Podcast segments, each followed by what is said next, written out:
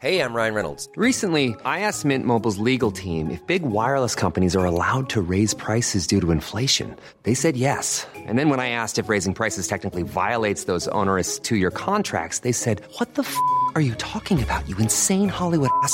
F- So to recap, we're cutting the price of Mint Unlimited from $30 a month to just $15 a month. Give it a try at mintmobile.com slash switch. $45 upfront for three months plus taxes and fees. Promo rate for new customers for limited time. Unlimited more than 40 gigabytes per month. Slows. Full terms at mintmobile.com.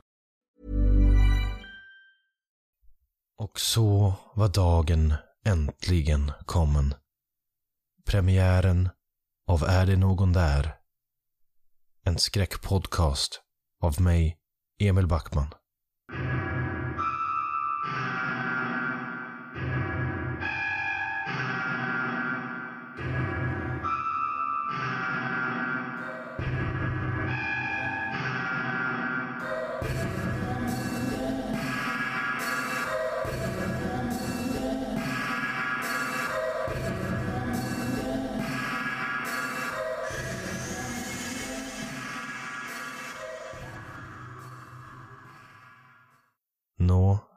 Ska vi sätta igång?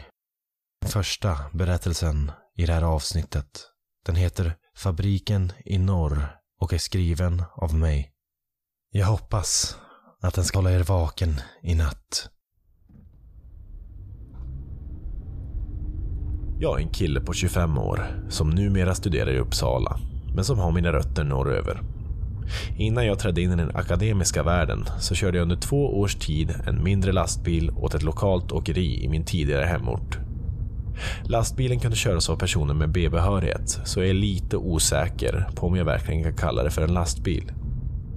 Jag körde ut mattor och företagstvätt till olika företag och affärer. Och det är ett ganska simpelt jobb, men jag vill ändå påstå att det kräver en hel del fysisk ansträngning. Jag körde mellan 10 och 20 mil per dag i min region där jag då var områdesansvarig. Den här dagen befann jag mig hos en stor kund med flera avdelningar där jag passerade in genom en säkerhetsgrind för att nå de avdelningar där jag dels bytte mattor på, men där jag även sorterade in nytvättade kläder i numrerade skåp. För att underlätta mitt arbete så använde jag mig av en form av vagn för att underlätta processen vid frakten av den relativt stora mängd tvätt. Området i fråga är väldigt stort med flera våningar där kulvertar under marken gör upp ett nätverk för att underlätta logistiken på anläggningen. En kulvert är ju då en form av tunnel som kopplar samman byggnader under marken.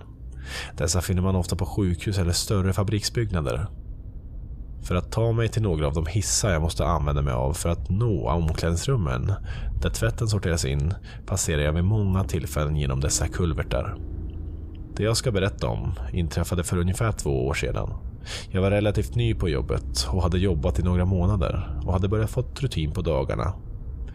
Det är värt att nämna att veckorna jag arbetade för det mesta såg likadana ut. Så att lära sig de olika rutterna och rutinerna gick förhållandevis snabbt.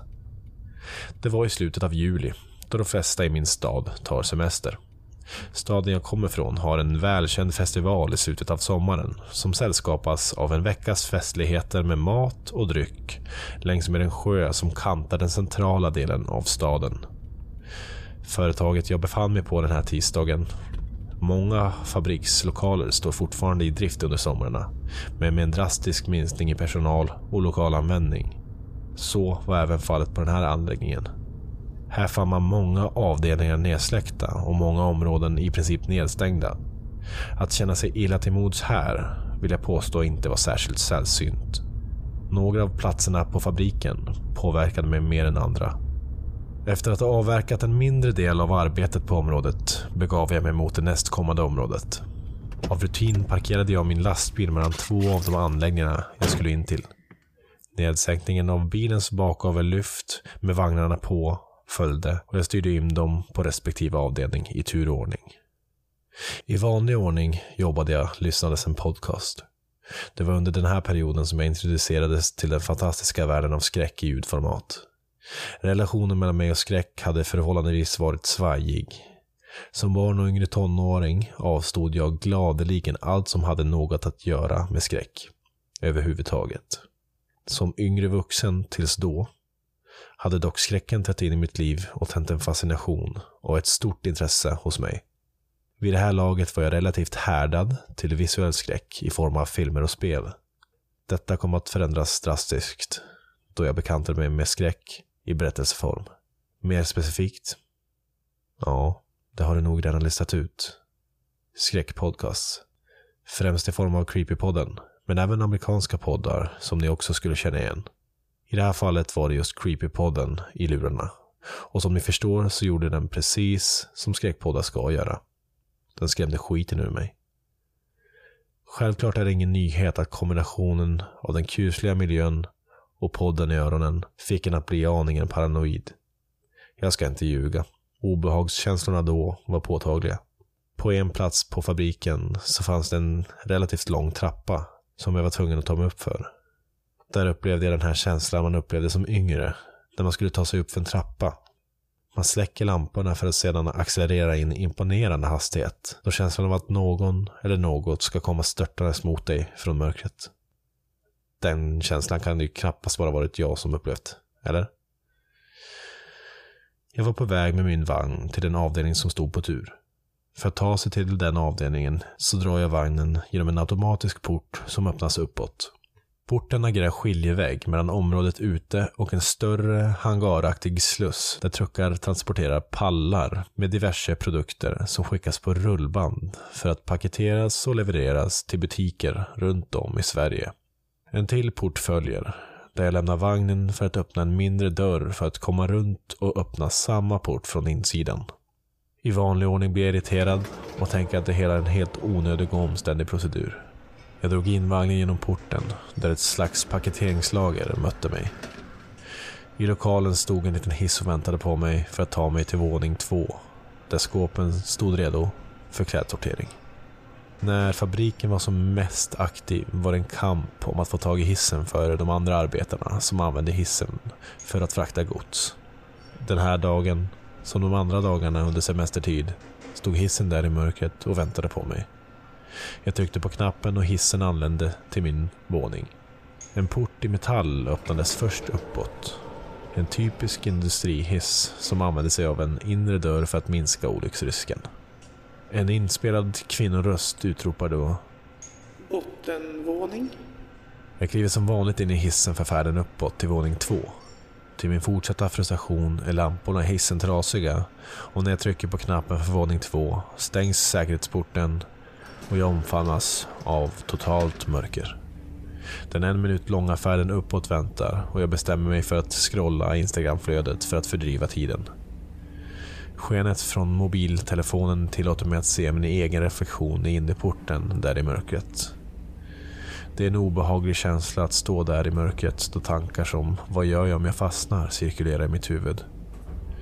Jag känner hur hissen hoppar igång och påbörjar sin färd uppåt mot våning två.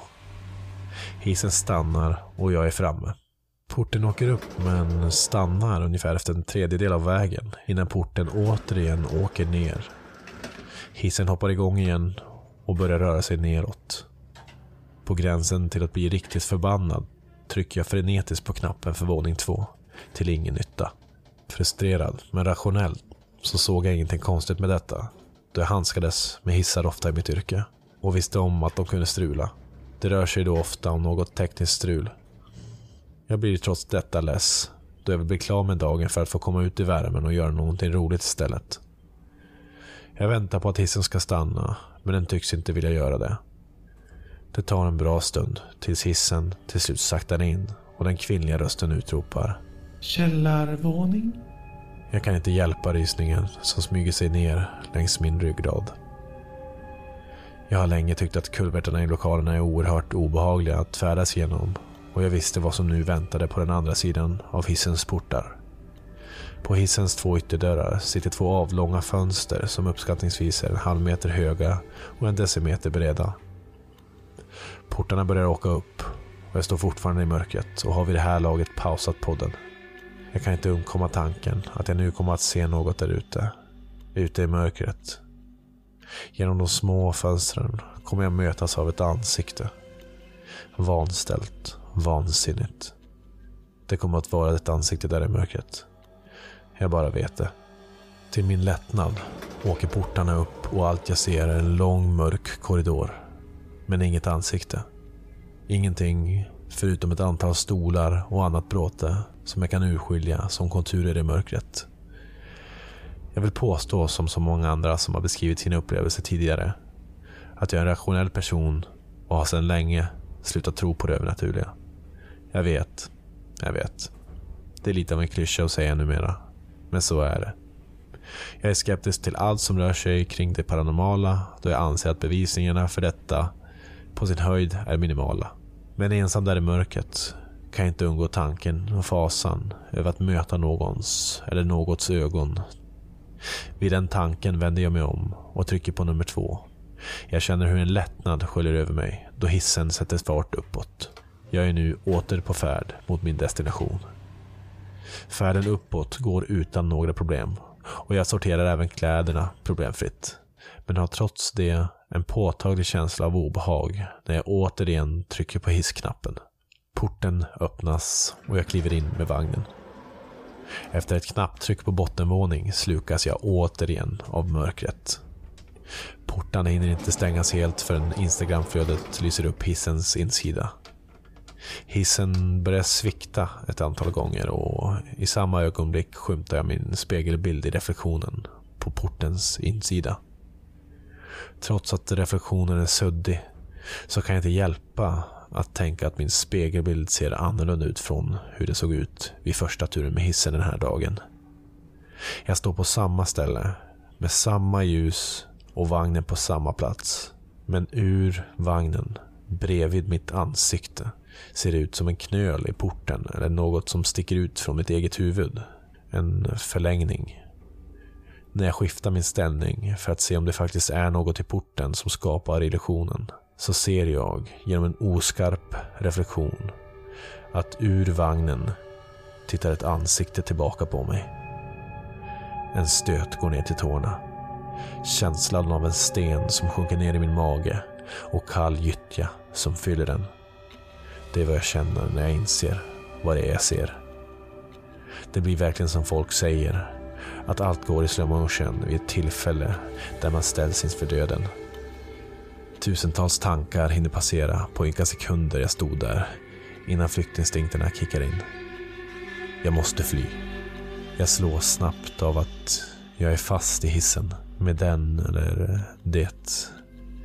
Jag överväger mina alternativ på bråkdelen av en sekund och får idén att stå kvar och låtsas som att jag inte har sett något. Innan jag hinner göra annat så har kroppen tagit beslutet åt mig och jag har vänt mig om. Mina förväntningar var att möta det där ansiktet jag hade kvar i huvudet sedan källaren. Men istället möts jag av resten av hissens utrymme och tvättvagnen. Jag kollar snabbt ner i vagnen för att kontrollera att inte något gömmer sig där. Men möts bara av smutsig tvätt. Håller jag på att bli galen? Är vad jag tänker samtidigt som den tanken brottas med min övertygelse om att jag vet vad jag såg. I all min panik så inser jag att hissen fortfarande står stilla och sviktar. Den har liksom hakat fast sig. Det är som att den försöker åka neråt, men någonting håller den kvar. Panikslaget trycker jag frenetiskt på knappen för att öppna porten, men ingenting händer. Plötsligt släpper det som fått hissen att stanna och jag färdas neråt. Med en panikblandad lättnad över att röra mig ner mot bottenvåningen börjar färden neråt. Ingen kommer att tro mig, tänker jag. En del av mig tror inte ens på mig själv. Hissen närmar sig bottenvåningen. Men till min förtvivlan passerar hissen bottenvåningen och kommer till ett stopp strax därefter. Källarvåning? Utropar den kvinnliga rösten. Kul! Platsen jag allra helst vill vara på på denna jord, tänker jag. Jag rycker till då den kvinnliga rösten utropar Källarvåning? Källarvåning? Källarvåning? Källarvåning? sex gånger och portarna börjar åka upp och ner, upp och ner. Successivt avslöjas mer och mer av fönstren och vad som befinner sig i mörkret på andra sidan. Jag står som paralyserad och ser på när portarna avslöjar mer och mer av den mörka korridoren utanför. Jag vill inte titta, men jag kan inte ta blicken från vad som utspelar sig framför mig. Ungefär 15 meter bort i mörkret I det svaga ljuset av en sån där grön nödutgångsskylt så kan jag urskilja att det står någon. En gestalt med konturerna av en människa. Men med en hals som var minst tre gånger så lång. Armarna slutade först nedanför knäskålarna. Resten av kroppen var proportionerlig från vad jag kunde se och från vad jag hann uppfatta. Vilken sekund som helst skulle den slå till, göra utfall och komma springandes mot mig. Men den bara stod där. Jag kommer på mig själv med att återigen panikslaget trycka på knapparna när porten åker neråt och når bottenläget. Innan jag hinner andas ut börjar porten till min förskräckelse återigen att åka upp. Det svartnar nästan för mina ögon vid åsynen av ett hårt pressat ansikte av ett spädbarn mot glasrutan. Jag tror i alla fall att det var ett barn. Ett barn med vilt uppspärrade ögon bestående av enorma ögonvitor med pupiller som saknar iris och ett brett gapande leende med små, små mjölktänder i alldeles för stort antal. Ansiktet utstrålade en hunger och ett vansinne som jag aldrig tidigare bevittnat. Huvudet var fäst vid en vidrigt långa hals vars helhet jag bevittnat några vedervärdiga sekunder tidigare. Dess armar var sträckta uppåt. Vart kunde jag inte se. Ansiktet fortsatte att tryckas så hårt mot glaset att tänderna trycktes ut ur tandköttet och ner i halsen på varelsen samtidigt som den med en förvrängd barnröst upprepade.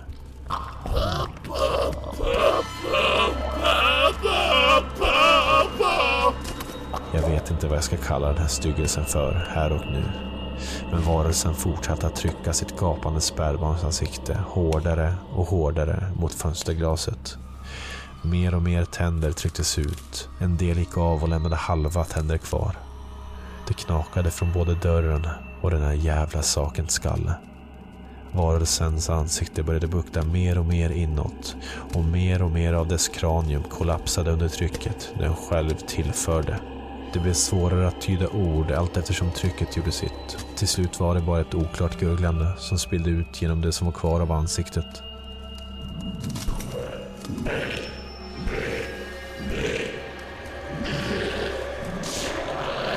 Jag trodde jag skulle falla död där och då av skräck där jag stod totalt paralyserad.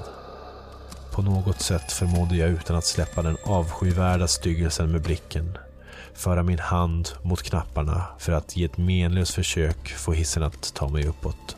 Jag visste att det var naivt och att det förmodligen inte skulle fungera. Men det var det enda alternativet jag hade. Min hand mötte inga knappar. Jag möttes av något mjukt och fuktigt som slöt sig om mina fingrar och sen hela min hand. Jag vrider sakta mitt huvud och bevittnar med fasa och äckel att knappsatsen ersatts med en mun. En mänsklig mun som upphetsat och ivrigt suger och slickar på mina fingrar. I absolut panik drar jag tillbaka min hand och ramlar baklänges ner mot väggen i hissen.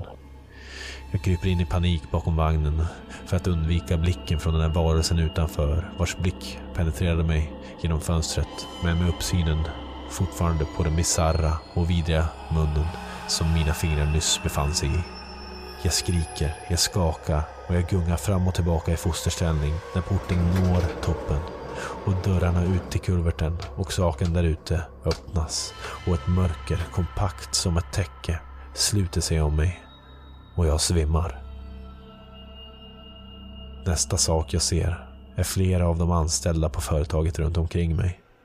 En av dem sitter med mina ben i högläge och den andra pratar i telefon. Jag frågar vad som har hänt, men jag vet redan svaret. De hittade mig i hissen när de skulle använda den, avsvimmad, i hörnet bakom vagnen. De visste inte hur länge jag hade legat där, men det lutade åt några timmar. Jag har sett för mycket skräckfilmer och lyssnat på för många berättelser för att inte veta att ingen skulle tro mig om jag sa vad som verkligen hade hänt. Så jag skyllde på blodsockerfall och att jag var utarbetad. De gav mig en smörgås för att återställa balansen och jag började röra mig mot min bil för att ta mig hemåt. Det sista jag tänkte göra var att slutföra mitt arbetspass där. Jag kände mig tom, sådär som när man förlorat någon man älskar, första tiden efter någons bortgång eller strax efter ett uppbrott av ett långvarigt förhållande, innan man inser vad som har hänt. Där var jag nu. Ni som vet, ni vet. Jag hade ingen aning om vad jag skulle göra. Vem skulle tro mig om jag berättade? Hur skulle jag göra för att kunna fortsätta jobba? Jag måste ju trots allt återvända hit om jag vill ha kvar jobbet. På väg från området, sittandes i min bil, tar jag beslutet och säger upp mig. Till och med nu, två år senare, har jag problem med att sova och leva ett normalt liv efter vad jag var med om. Jag kommer på mig själv ibland tittandes en extra gång över axeln då jag tycks se något i ögonvrån. Hemma, på stan, på affären, till och med på gymmet. Men bara när jag är själv. Jag sover knappt längre. Jag träffar en psykolog, men ser inga tydliga framsteg. Jag är rädd att de kommer låsa in mig.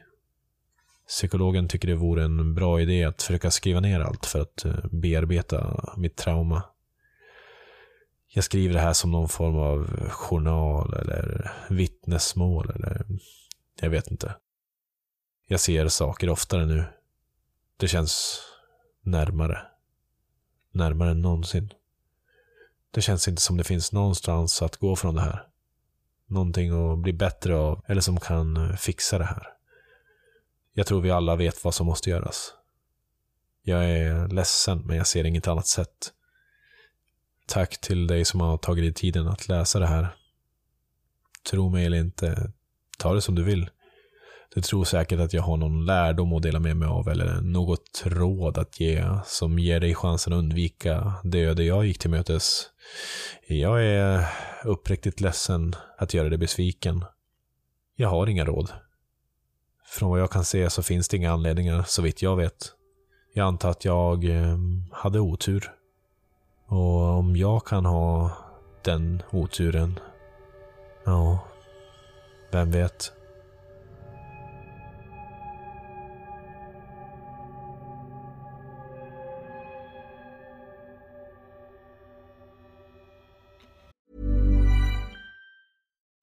Life is full of what ifs. Some awesome, like what if AI could fold your laundry? And some, well, less awesome, like what if you have unexpected medical costs? United Healthcare can help get you covered with Health Protector Guard fixed indemnity insurance plans. They supplement your primary plan to help you manage out of pocket costs. No deductibles, no enrollment periods, and especially no more what ifs. Visit uh1.com to find the Health Protector Guard plan for you. Even when we're on a budget, we still deserve nice things. Quince is a place to scoop up stunning high-end goods for 50 to 80% less than similar brands. They have buttery soft cashmere sweaters starting at $50, luxurious Italian leather bags, and so much more. Plus, Quince only works with factories that use safe, ethical, and responsible manufacturing. Get the high-end goods you'll love without the high price tag with Quince. Go to quince.com slash style for free shipping and 365-day returns. Sådär, det var den första historien. Lite sista minuten ändringar.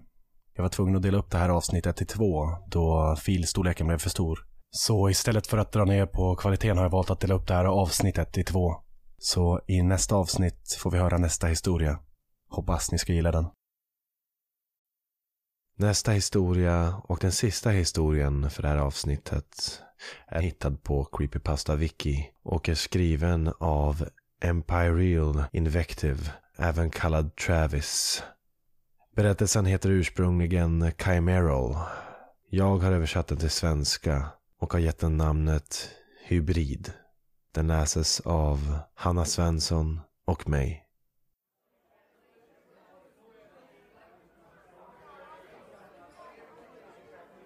Att kalla Carl Sheldrake en fröjd för ögonen skulle vara som att förklara Atlanten som relativt fuktig. Han bar ett busigt flin som bådade omätligt ofog. Blont hår som på soliga dagar gav illusionen att han bar en gloria. Han hade alltid lite stubb som jag undrade om det skulle kittla om han skulle kyssa mig. Jag berättar detta som dåtid, då så inte längre är fallet. Karls blonda hår börjar bli grått. Hans stubb, som han en gång upprätthållit till perfektion, i syfte att ge honom ett robust utseende växer nu ut och ger honom ett ovårdat och utmärglat utseende. Det där pojkiga flinet har försvunnit från hans ansikte på grund av en upplevelse som jag ska dela med mig av för dig. Lite bakgrundsinformation först. Karl är brandman för Dundalk Fire Department i Maryland. De arbetade med ett roterande schema och i slutet av varje månad låg 12 timmars skiftet från midnatt till eftermiddagen på helgen på honom och några andra killars axlar. Det är en tradition att i slutet av dessa skift svänga förbi baren för några glas. Som bartender på just denna anläggning bjöd jag dem vid flera tillfällen på en tillbringare öl för att uttrycka min tacksamhet för deras insatser. Jag ska inte ljuga, jag var förtjust i Karl. Jag tog mig alltid friheten att svänga förbi deras bord så ofta jag kunde då det var på besök. Det var lite oskyldigt flörtande och kallprat, men inget seriöst. Faktum är att vi genom månaderna har hållit våra konversationer lätta och avslappnade. Det vill säga fram tills för några dagar sedan. Det började i vanlig ordning. De kom in lite efter middagstid på söndagen och tog några glas. Jag gick dit och försökte få igång en konversation med Karl, men han var ovanligt tyst och undvikande. De hade delat på några kannor med öl och de flesta begav sig hemåt för kvällen, med undantag för Karl. Han stannade kvar och fortsatte dricka och dricka och dricka. Han beställde shot efter shot. Så småningom bestämde jag att det var nog för honom när jag såg honom med pannan i bardisken. Han försökte lyfta shotglaset mot munnen medan huvudet fortfarande låg på bardisken. Det gick bara utför därifrån. Jag var tvungen att ta hans nycklar från honom när han försökte bege sig från baren. Klockan var ungefär sex och jag var klar för att stänga när jag såg honom luta sig mot ett av däcken på hans bil i väntan på att bli nykter nog för att kunna köra hem. Jag kunde inte lämna honom i det där tillståndet och jag erbjöd honom att sova av sig i ruset i min lägenhet. Jag skulle aldrig gett honom det där erbjudandet om jag visste vad som skulle komma härnäst eller vad han skulle berätta för mig. Låt mig vara väldigt tydlig här. Jag hade ingen avsikt att utnyttja Karl medan han var dyngrak. Jag ville bara göra honom den här tjänsten i hopp om att när han sedan nyktrat till skulle tacka ja när jag ber honom att återbetala tjänsten genom att bjuda ut mig. Det blev inte så.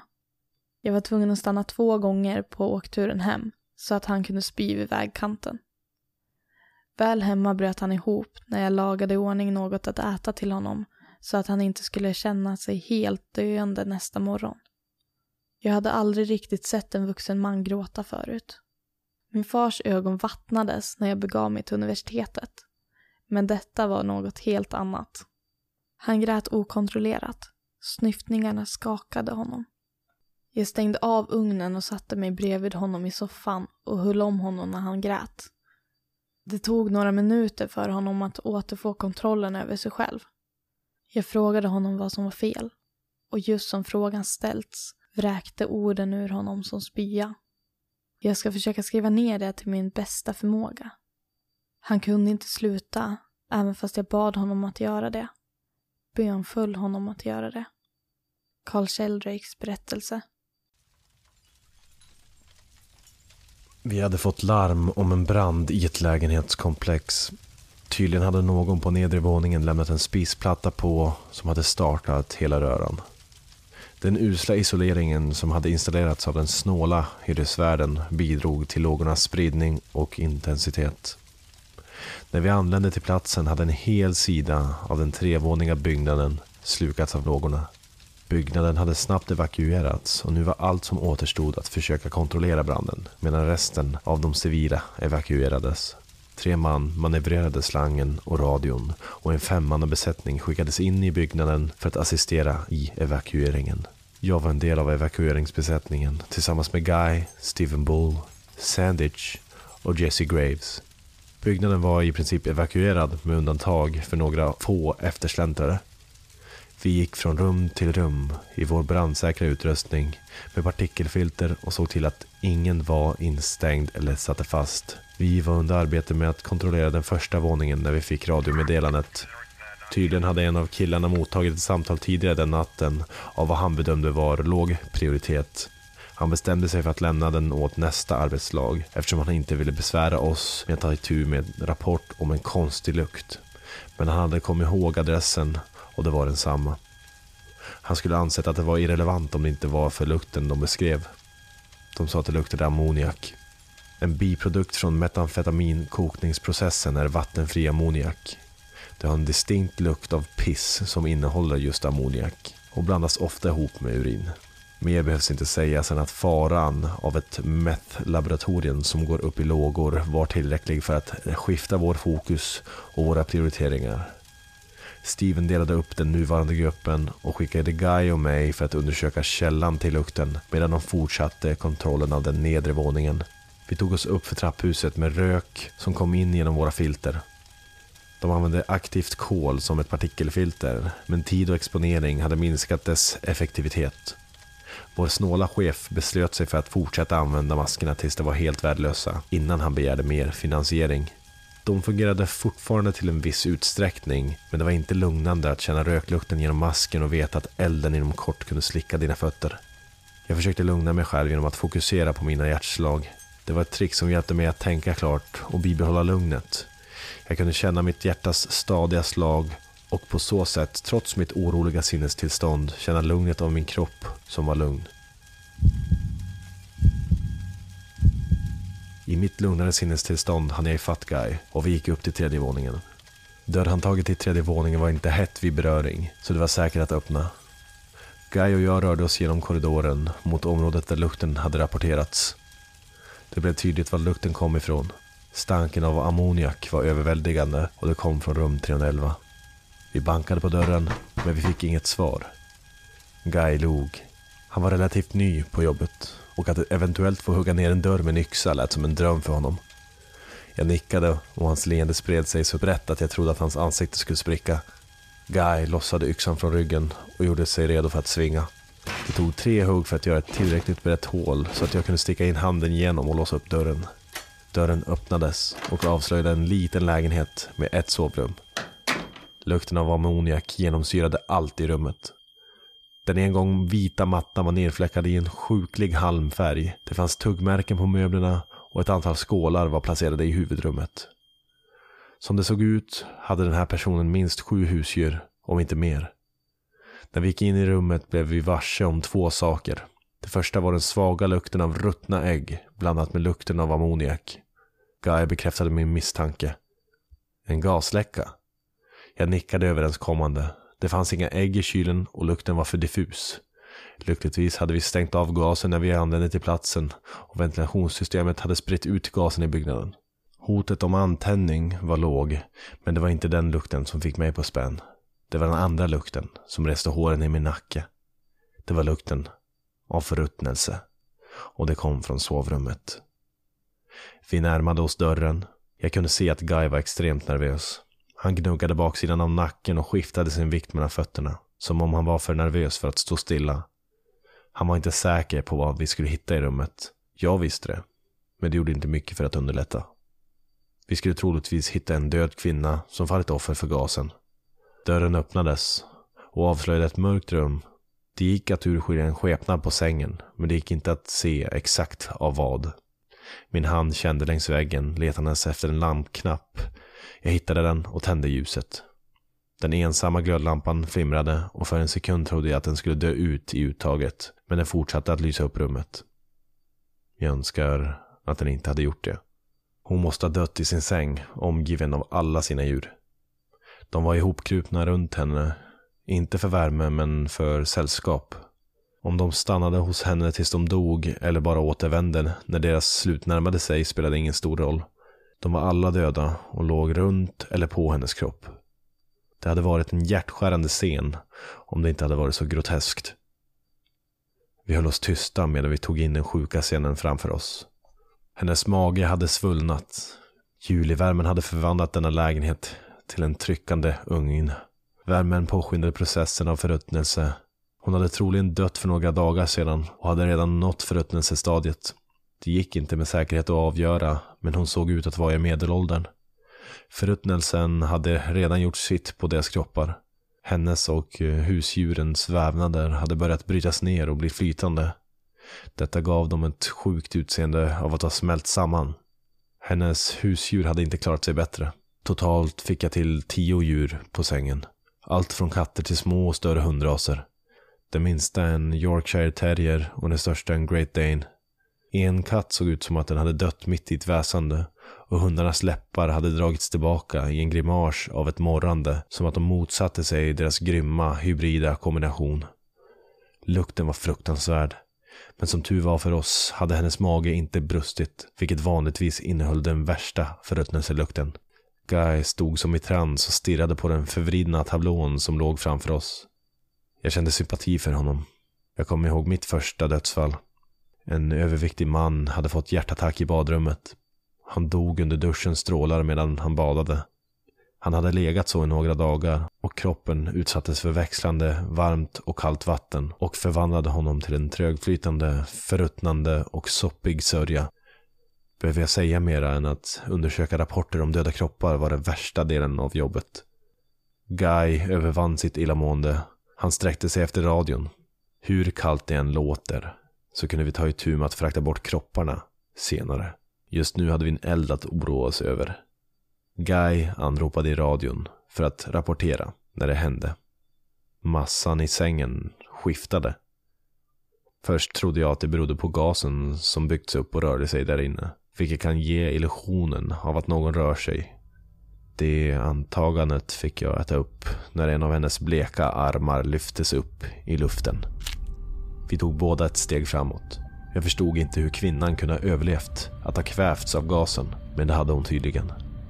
Jag frågade om hon var okej. Okay. En uh, dum sak att fråga när jag tänker tillbaka på det. Hon gav mig inget muntligt svar utan rullade istället upp på sidan. Hon föll av sängen och massan av kött följde med henne eftersom nedbrytningen av vävnad hade smält samman massan med hennes kött. De landade på golvet med ett sjukligt plaskande duns i en tilltrasslad röra med det vidrigt krossande ljudet från hennes skelett som bröt sönder under den sammanlagda vikten av alla hennes husdjur. Jag kände en instinktiv dragningskraft att springa fram till kvinnan och få ut henne ur högen av ruttnande husdjur. Men någonting höll mig tillbaka. Jag vet inte om det var motvilja eller rädslan att skada henne i processen. Allt jag vet är att min tvekan räddade mitt liv.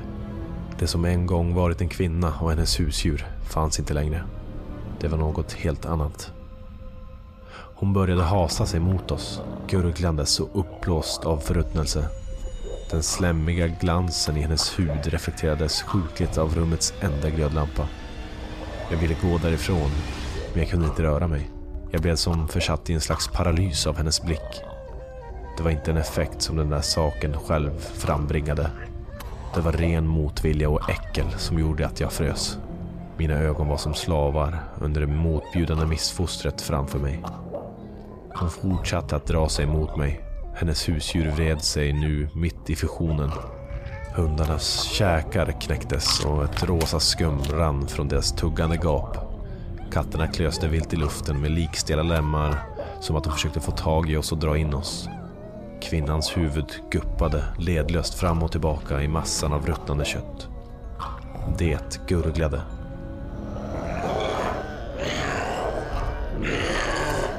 Som att hon försökte formulera någon sedan länge glömd känsla. Var och en av varelserna på detta nutida inbildningsfoster rörde sig själv oberoende av kvinnan och gav utseendet av en förvriden massa som blivit upplivad av elektricitet. Jag kunde bara transfixerat stirra på den makabra massan som sakta hasade sig mot mig och lämnade ett spår av röta bakom sig. Jag kunde inte förmå att sträcka mina fingrar bakåt för att lossa min yxa. De var som sten. Det enda jag kunde göra var att titta på. De var nu bara fotlängder från mig och jag kunde känna stanken av förruttnelse som hon utsöndrade. Jag ville skrika, men denna monstrositet hade stulit min röst. Jag ville springa, men mina ben var frusna. Jag förde långsamt min hand till handtaget på yxan, rädd att skrämma upp den här saken, vad det nu var. Jag kunde höra mitt hjärta dunka i mitt huvud. En av katterna gav ifrån sig ett lågmält tjutande som att den varnade mig. Mina fingertoppar nuddade vid handtagets fäste. Hennes uppsvällda och gelatinaktiga hand högg tag i tyget på min utrustning och jag greps av panik. Jag kände mitt hjärta hoppa över ett slag i mitt bröst. Sakens kontakt med mig frigjorde Guy från sin trans. När hon drog mig mot massan fattade han sin yxa och högg bladet djupt i kvinnans huvud. Hennes skalle brast som en rutten melon och delade på sig. Något sjukligt grått rann ur den. Massan vred sig oberoende, men som om den kommunicerade med den skadade kvinnan. Det stannade inte. Jag ryckte loss mitt ben från hennes grepp och bevittnade med äckel när huden på hennes hand gled av. Jag klev bort från den monstruösa sammansmälta högen med gegga. Det vedervärdiga inbildningsfostret vred sig och ändrade position och slet upp sitt sammanfogade kött. En trögflytande brun vätska spydde ut ur såret och fyllde luften med en motbjudande stank. Guy var närmast massan och fick fulla ansikten med lukten av jäst avföring och uppbyggd förruttnelse. Han spydde i sin mask och tvingades lossa den, eller lida av skymd sikt. Han köjdes och kvälldes när saken började röra sig mot honom, helt likgiltig till dess allvarliga skada. Nu var det min tur att hjälpa Guy. Jag tog tag i baksidan av hans utrustning och drog honom mot dörren. Han köjdes och stönade då kroppen hade en invärtes reaktion på stanken. Jag drog honom ut ur sovrummet och in i det rökiga vardagsrummet. Jag satte ner honom på knä för att rensa ur magen. Jag small igen dörren precis när den vidriga massan nådde tröskeln. Jag la all min vikt mot dörren när den förvridna styggelsen på andra sidan började klösa på den med tassar och brutna fingrar. Vid det här tillfället var Guy färdig med det explosiva tömmandet av sin mage och kunde sätta på sig sin mask igen. Vi hjälptes åt att flytta kvinnans soffa framför dörren precis när träet började ge vika. Det var just då, med bara några centimeter trä mellan oss och det mest skrämmande och vedervärdiga jag någonsin bevittnat, som vi fick samtalet. De civila hade evakuerats och isoleringen visade sig vara för bra bränsle för elden. Det fanns ingen mening att fortsätta. Byggnaden evakuerades. Vi lämnade lägenheten och varelsen som fortsatte klösa och slita i dörren.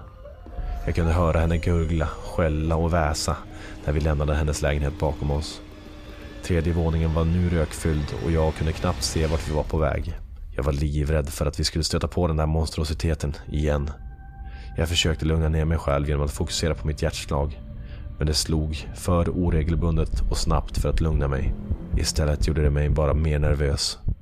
Vi sammanslöt oss med de andra i gruppen och yttrade inte ett ord om vad vi hade stött på på den tredje våningen. Jag vill säga att det var för att jag visste att det skulle låta galet, men eh, det verkliga skälet var rädsla. Jag var rädd att de skulle vilja gå upp dit och försöka hjälpa henne. De skulle inte förstå att hon var bortom hjälp. Guy och jag sa ingenting på väg tillbaka till stationen. Sist jag såg honom stirrade han på medaljongen av Saint Florian som han bar runt halsen. Min vän flydde den dagen. Han sa inget till någon. Han återvände inte ens till stationen för att hämta de saker han lämnat efter sig. Han bara stack. Han lämnade inget meddelande. Och jag ska vara ärlig. Tanken på att interagera med honom och tvingas minnas vår upplevelse fick min mage att vända sig. Jag har inte berättat för någon om det här. Jag menar, vem skulle tro mig? I värsta fall skulle de anta att kvinnan fortfarande hade levt och varit i stort behov av hjälp när vi stängde in henne i sovrummet. Om du hade sett den där styggelsen så skulle du förstå hur löjlig en sån tanke hade varit. De var döda, men samtidigt inte. Deras kroppar hade brutits ner och smält samman. De var var och en självständiga i sin rörelse, men hade ett gemensamt mål. Målet var enkelt, grundläggande. Kvinnan måste ha varit så ensam i livet. Åt för sig själv, med enbart sällskapet av sina husdjur. Så bortkopplad från omvärlden att hon trodde att hon bara kunde finna acceptans i djurens tillgivenhet. Föra en konversation med någon som inte kan svara, som inte kan uppmuntra. Jag tror att det var det hon ville ha av oss. Sällskap. Någon att ha vid hennes sida. Bokstavligen. Carl Sheldrake gjorde det enda man kunde göra när man återupplever en traumatisk upplevelse. Han drog sig tillbaka, in i sig själv och grät otröstligt. Jag höll om honom i några ögonblick innan han somnade. Jag la honom ner och gick till sängs. Hur bisarrt det än lät så fick faktumet att han var så förstörd och illa till mods av händelsen mig att tro på honom. Nästa morgon var stel, men han gav inga tecken på att komma ihåg nattens berättelse. Det kanske var bättre så. Om han gjorde det och försökte prata med mig skulle jag varit tvungen att berätta för honom. Samma vecka som den lägenhetsbranden ägde rum hade baren en annan grupp under sitt tak. Återställningsgruppen skulle rensa upp efter brandens ödeläggelse i ett försök att hålla staden vacker. De var inne dagen efter Karls upplevelse. De hade också en tradition. Varje gång de var tvungna att undersöka och städa upp en byggnad där det inte fanns några kroppar att hämta skulle de komma in och fira segern med ett par tillbringare. De firade.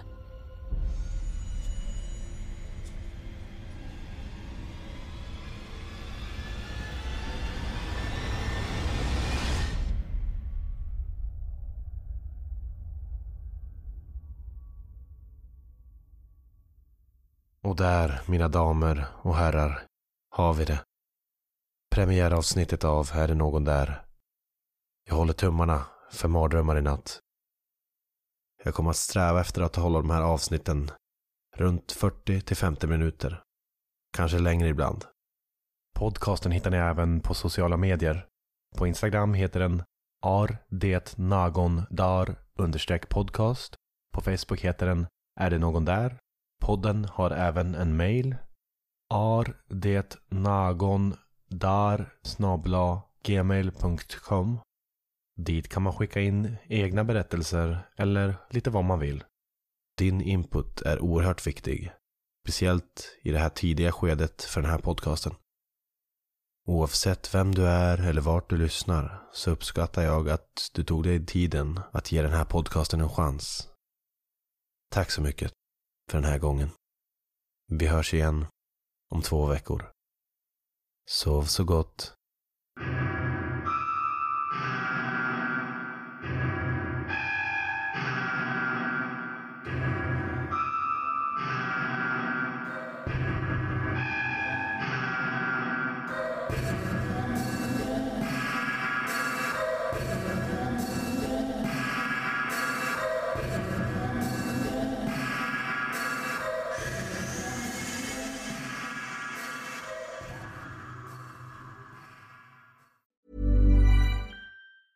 Hey, it's Danny Pellegrino from Everything Iconic. Ready to upgrade your style game without blowing your budget? Check out Quince. They've got all the good stuff shirts and polos, activewear, and fine leather goods, all at 50 to 80% less than other high end brands. And the best part?